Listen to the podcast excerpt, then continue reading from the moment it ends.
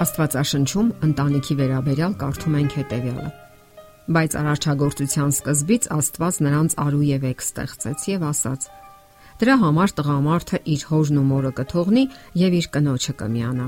եւ երկուսը մեկ մարմին կլինեն։ Հետևաբար այլևս երկու չեն, այլ մեկ մարմին։ Արդ ինչ որ Աստված միավորեց, մարդը թող չբաժանի։ Սա ընտանեկան ինստիտուտի բանաձևն է։ Արու եւ եք ինչպես աշխարհի արարման սկզբից ասաց Աստված եւ ինչպես այն հաստատեց Հիսուսը։ Այս բանաձևը կամ աքսիոման փոփոխության ենթակա չէ։ Ամուսնական միությունն է, որ ապահովում է մարդու եւ հասարակության կենսաբանական, հոգեվոր, մտավոր աճն ու զարգացումը, նպաստելով նրա առաջընթացին եւ պարզապես գոյությանը։ Դեռևս Արիստոտելն է գրել, որ ընտանիքը սահմանված է բնության կողմից մարդու ամենօրյա պահանջները բավարարելու համար։ Նա գտնում է, որ անհնար է քննարկել պետության կամ քաղաքականության հարցերը առանց նախորոք խորհելու տամ բարեկեցության եւ այն իմաստուն ձևով կառավարելու մասին։ Մարդկային գործունեության ցանկացած ոլորտ, քաղաքականություն, պետություն, եկեղեցի սերտորեն առնչվում է ընտանիքի հետ։ Տղամարդ եւ կին Այս կարևոր ճշմարտությունն է Աստվածաշնչյան հայտարարության հիմքում։ Այդ միության կողմերից յուրաքանչյուրն ունի իր ուրույն եւ միայն իրեն հատուկ աշխարհը։ Այդ աշխարից են նրանք հանում եւ ներդնում իրենց սեփականն ու յուրահատուկը, ներդրումներ անում ընդհանուր գանձարանում, տալիս են եւ վերցնում, բաժանում եւ ստանում։ Արդյունքում նրանք ոչ թե աղքատանում են, այլ հարստանում։ Ընտանիքը սատարման ու աջակցման այն վայրն է, որտեղ մարդը զգում է իր արժեքավորությունը։ Կողմերը երբեմն ինչ որ բան են խնդրում միմյանցից, եւ դա չի կարելի համարել կամակորություն կամ քմահաճույք։ Դա նշանակում է, որ նրանք ցանկանում են զգալ, որ մյուսն իր կողքին է բոլոր առումներով։ Սա խոսում է ավելի շուտ սեփական կարևորությունը, արժեքը զգալու մասին, ամուսնու կողմից գնահատված լինելու մասին։ Թե կանայք, թե տղամարդիկ փորձում են հասկանալ, թե ինչ արժեք ունեն իրենց կողքինի համար։ Եվ կարևոր է ոչ այնքան նյութական կամ դրամական սատարումը, որքան այն ժամանակն ու ջանքերը, որ կողմերը տրամադրում են միմյանց։ Ահա այստեղ է, որ անհրաժեշտ է փոխադարձ ըմբռնողություն եւ փոխադարձ զիջողամտություն, միմյանց գիտակցաբար ընթառաջ գնալու պատրաստակամություն։ Ամուսնական միությունը ենթադրում է, որ ամուսինները պետք է ուշադրություն եւ ժամանակ հատկացնեն միմյանց։ Դրա կարիքը զգում են հատկապես կանայք։ Հոգեբանությունը հաստատում է, որքան քիչ ենք զգում սեփական արժեքավորությունը, այնքան շատ ենք վկայություն ու ապացույցներ պահանջում դիմացինից եւ երբեմն շատ տարօրինակ եղանակներով։ Վստահ լինելով, որ կարևոր է ու անհրաժեշտ, մարդն ինքն է հաճույքով ընթառաջ գնում դիմացինին։ Միշտ հիշենք, որ զգացմունքներից շատ ավելի կարևոր են սկզբունքները, որոնք կայուն ու հուսալի են։ Ռուսական եկեղեցու քահանա Մաքսիմ Օբուխովը գրել է. Այն ժողովուրդները, որտեղ լայնորեն տարածված է եղել անառակության շնության մեղքը,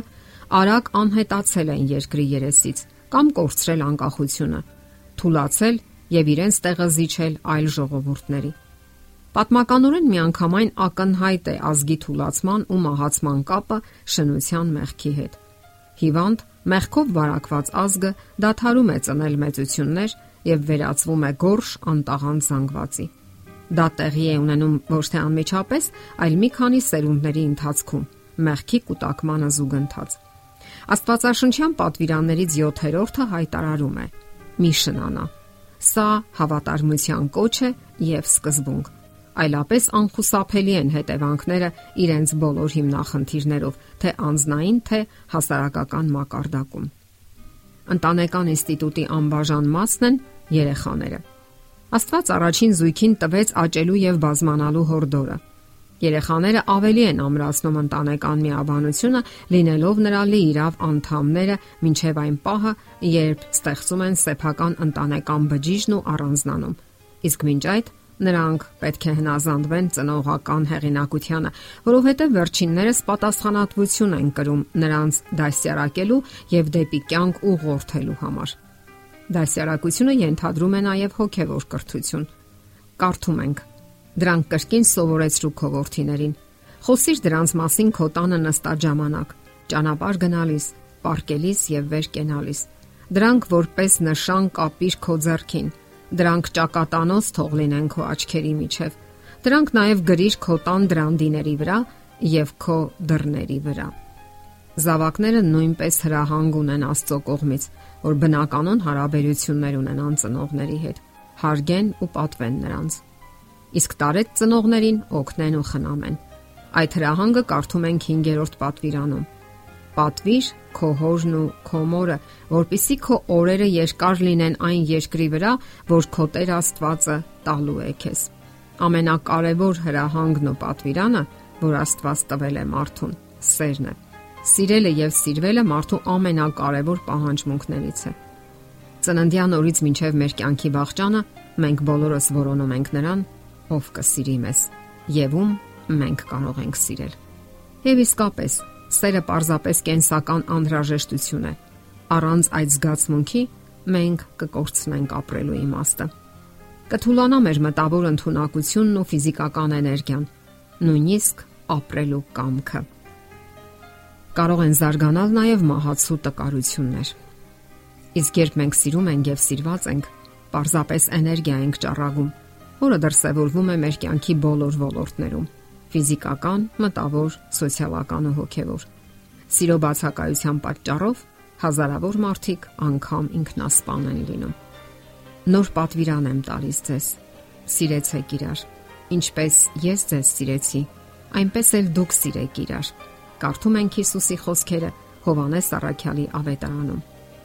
Ոչ ոք ավելի մեծ սեր չունի, քան եթե մեկը իր կյանքը դնում է իր բարեկամների համար։ Սիրելիներ, սիրենք միմյանց, քանի որ սերն Աստծուց է, եւ ամեն ոք ով սիրում է, Աստծուց է ծնված եւ ճանաչում է Աստծուն։ Իսկ նա, ով չի սիրում, չի ճանաչում Աստծուն, քանի որ Աստված սեր է։ Այս ճշմարտությունը